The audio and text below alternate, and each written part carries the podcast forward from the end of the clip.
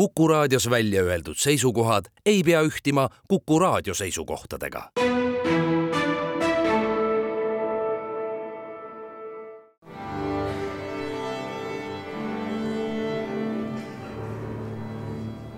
daamid ja härrad, Eesti Kontserdi saade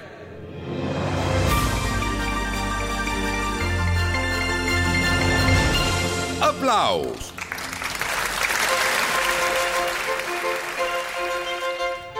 Eesti Kontserdi uus hooaeg sai kontsertidega, mitte lihtsalt kontsertidega, vaid täiesti erakordsete kontsertidega avatud nii Jõhvis kui Tallinnas. Norra imeviiuldaja Mari Samuelson ja sinfoniata Riga ja kontserdi peateoseks Max Richteri Vivaldi Recomposed. käes on järjekordne Maaleri nädal ja avakontsert Pärnus, sellest täna räägimegi. saade on aplaus, mina olen Lauri Aav, tere kõigile Vanemuise kontserdimaja ja ka Vanemuise sümfooniaorkestri hooaja avakontsert jäi siin suure õhinaga avasõnadest välja, olid nad tegelikult aga esimesed, kes Eesti Kontserdi kaheksakümne kolmanda kontserdihooaja avamiseni jõudsid ja seda juba septembri alul. sellele kontserdile ma ise kahjuks ei jõudnud, aga kõik, kes käisid, need kiidavad Tõnu Kõrvitsat uus teos segakoorile ja sümfooniaorkestrile, Marcel Johannes Kits ja El Gari tšellokontsert ning Holsti planeedid.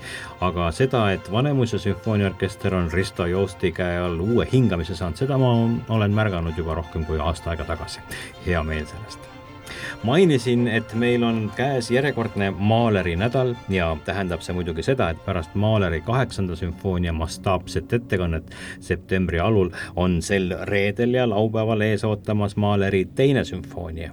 no ehk koosseisu mõttes pisut vähem massiivne, aga siiski väga suurejooneline ettekanne ja esituskoosseis on ju peaaegu sama ja Neeme Järvi seda kõike juhatamas me rääkisime siin maestro Järviga sellest tegelikult juba suvel enne Haapsalu festivali, aga kuna sellest tuli üks pikem jutt, siis nüüd enne Mahleri teise sümfoonia ettekannet on lõpuks paslik see tervikuna ära kuulata. oma plaanid ma teen niimoodi, et ma teen siis, kui siin on ilus, tahaks siin väga olla. tulen siia, aga ei taha niisama tulla, tahaks tulla äh, midagi tegema ja äh, seekord ma näiteks saime ERSO-st paar päeva, et ma saaksin siin mõningad kontserdid teha. ja siis muidugi äh, suveüritused Pärnus ja äh, ka Tartus. Ja siis tuleb järsku kaks suurt asja, mida ma kogu aeg pidevalt valmistan, mul on palju partituure, Mahleri kaheksas sümfoonia, Mahleri teine sümfoonia. Ja teie väga hea, hea ettepanek, Lauri Aav, ütlesite mulle, hea ettepaneku tegite et meil äh, teha, kas näiteks võiks olla Mahleri teine. no issand jumal, ma mõtlesin, et kui ma Mahleri kaheksat ei tee, et miks mitte teha Mahleri teist ka. ja, ja siis nüüd ja nüüd tuleb välja niimoodi, ma isegi ei tea, kumbat ma rohkem armastan, kumbat teost. seepärast, et need mõlemad on kaks geniaalset teost ühe geniaalse inimese kirjutatud. ja siinsamas väikeses Eestis neid ette kanda on, peaks olema üks suur sündmus ja see on kõik septembrikuus ja kui me saaksime selle äh, Mahleri teise sümfoonia äh, niimoodi ette kanda Riia suurepärase kooriga muuseas, mis on mul väga lähedane äh, partner alati olnud. ja meie kahe Eesti solistiga, siis sellest peaks tulema sündmus ka, nii nagu Mahleri kaheksaski ja Eesti Kontserdiliinis. sest Eesti Kontsert on tore, kui nad leiavad alati mingisuguse toreda idee kanda Eestis ette midagi originaalset, huvitavat ja suurt. nii et tegelikult Eesti Kontserdi tegevus sel juhul peaks olema äh, väga teretulnud ka minu tuleviku muusika äh, tegemise juures, sest mul on veel mõningaid huvitavaid asju teha, millest me võib-olla räägime teinekord või räägime ka praegu no ei maksa praegu teha. ärme, ärme võib-olla nii ette rutta, räägime lähematest. ühest asjast ja, ja tõepoolest, kui see üks asi on tehtud, siis me võime edasi rääkida. nii et tegelikult meil äh, Mahleri teine sümfoonia on põhjendatud põhiliselt surmale. see, et Mahler kirjutas palju surm, surmale pühendatud teoseid. Mahleri elu oli väga komplitseeritud ja tema äh, põhiline äh, probleem oli juutlus külapoiss Tšehhis sündinud oli Tšehhi poiss. ja, ja isa viis teda siis kaugemale ühe teise Tšehhi külasse ja sealt läks ta edasi juba mitmesse paika ja lõpuks jõudis Viini välja ja Viinis sai oma hariduse ja lõputuseks sai Viini ooperi, suurooperi peadirigendiks, kus ta tegi tohutut head tööd. Kusjuures helilooming oli alati tal viimase koha peal, sest ta pidi tegema, kirjutatud kuussada etendust juhatama oma elu jooksul või, või kuus tuhat. ja, ja suve ajal jõudis ainult muusikat kirjutada ja kuna ta oli oma rahvuselt niisugusesse olukorras, et nad ei sobinud ühiskonda, siis ta sai kogu aeg vastu pead. kui heliloomingu värskuse pärast, sest tal helilooming oli teistsugune mm -hmm. kui jällegi traditsioonilised, ta muutis helikeelt nii et äh, isegi ta pidi oma, oma religiooni muutma, et saada head tööd kohta. aga lõppude lõpuks see oli temal komistuskiviks terve elu kõik, mis tema oma elus nägi ja pidi üle elama, see oli põhiliselt see, mida ta, ta ei armastanud ja ta lootis, et midagi paremat on maailmas olemas. ja see oli põhiliselt, ta tahab oma teise sümfooniaga seda öelda, et, et tõepoolest seda vägevust ja seda suurust ei saa tavalises elus äh, nautida äh, igapäevases elus, et niisugust äh, asiotaaži ja niisugust suurt tohutut võidutunnet et vaat ma nüüd võidan ja ma nüüd võitsin ja vaat see on see, kuhu ma olen pürginud. see on see ilu, see on selle ilu tipp ja seal on tulevikus hea elada, et mul oleks hea elada maailmas ja inim-, inimkonnal oleks hea elada.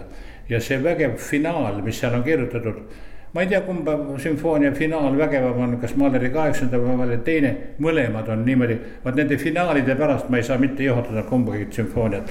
Need on kõige vägevamad asjad ja tõesti helilooja, kes oskab finaale kirjutada hästi kellel on igavad finaalid, need ei saa kuidagi mängida, sest need, need, neid keegi ei plaksuta saalis.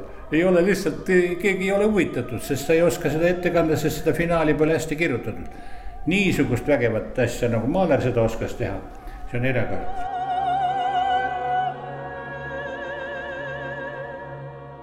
kui midagi teha, siis teha äh, tõesti niisugused põhi, põhjalikku ja, ja suurt äh, ja näidata, äh, kes me oleme, sest tegelikult ega me Eesti nii väike ei ole, kui me välja paistame.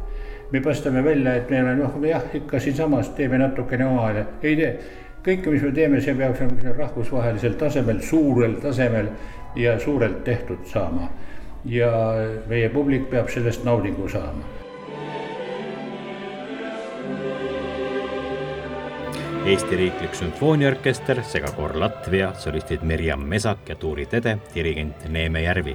Mahleri sümfoonia number kaks, C-moll tuntud ka kui Ülestõusmine, sel reedel Estonia kontserdisaalis ja laupäeval Pärnu kontserdimajas. ja me peame nüüd selle ka ära rääkima, piletid on otsas. see on selge, aga seal siis laupäeval Pärnu kontserdimajja mahub veel publikut, aga ka mitte enam palju Pole suuremat rõõmu ja rahulolu tunnet, kui rääkida välja müüdud kontsertidest ja neid kontserte on ümberringi palju, mitte ainult Eesti Kontserdi poolt korraldatavaid.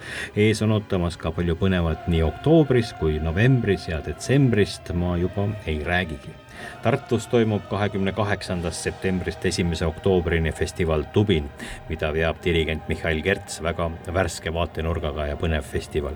minu isiklikud suured ootused on seotud New Yorgist pärit American Contemporary Music Ensemble'i ja taanlaste Theatre of Voices'e kontserdiga, mis toob seitsmeteistkümnendal oktoobril Estonia kontserdisaalis Paul Hillieri juhatusel publiku ette Islandi kultuselilooja Johan Johansoni oratooriumi Drone Mass Rein Rannapi juubelikontserdid Kristjan Järvi juhatusel on Tallinnas, Tartus ja Pärnus tulemas kolmeteistkümnendast viieteistkümnenda oktoobrini ka väga põneva kavaga ja uhked kontserdid.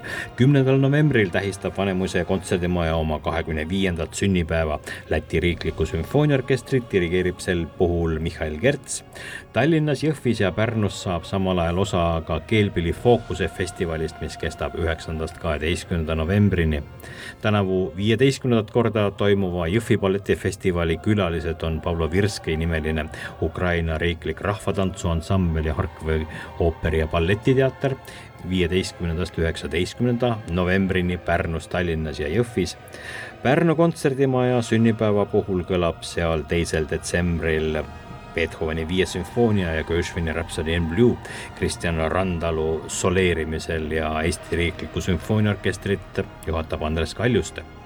Sama kontserdi kuuleb muidugi päev varem, esimesel detsembril Tallinnas.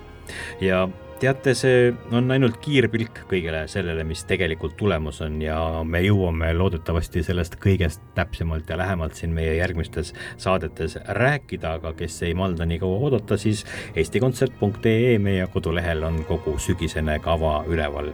see nädal on aga Mahleri teise sümfoonia nädal ja loodetavasti nendel kontsertidel me teiega kohtumegi. kõike paremat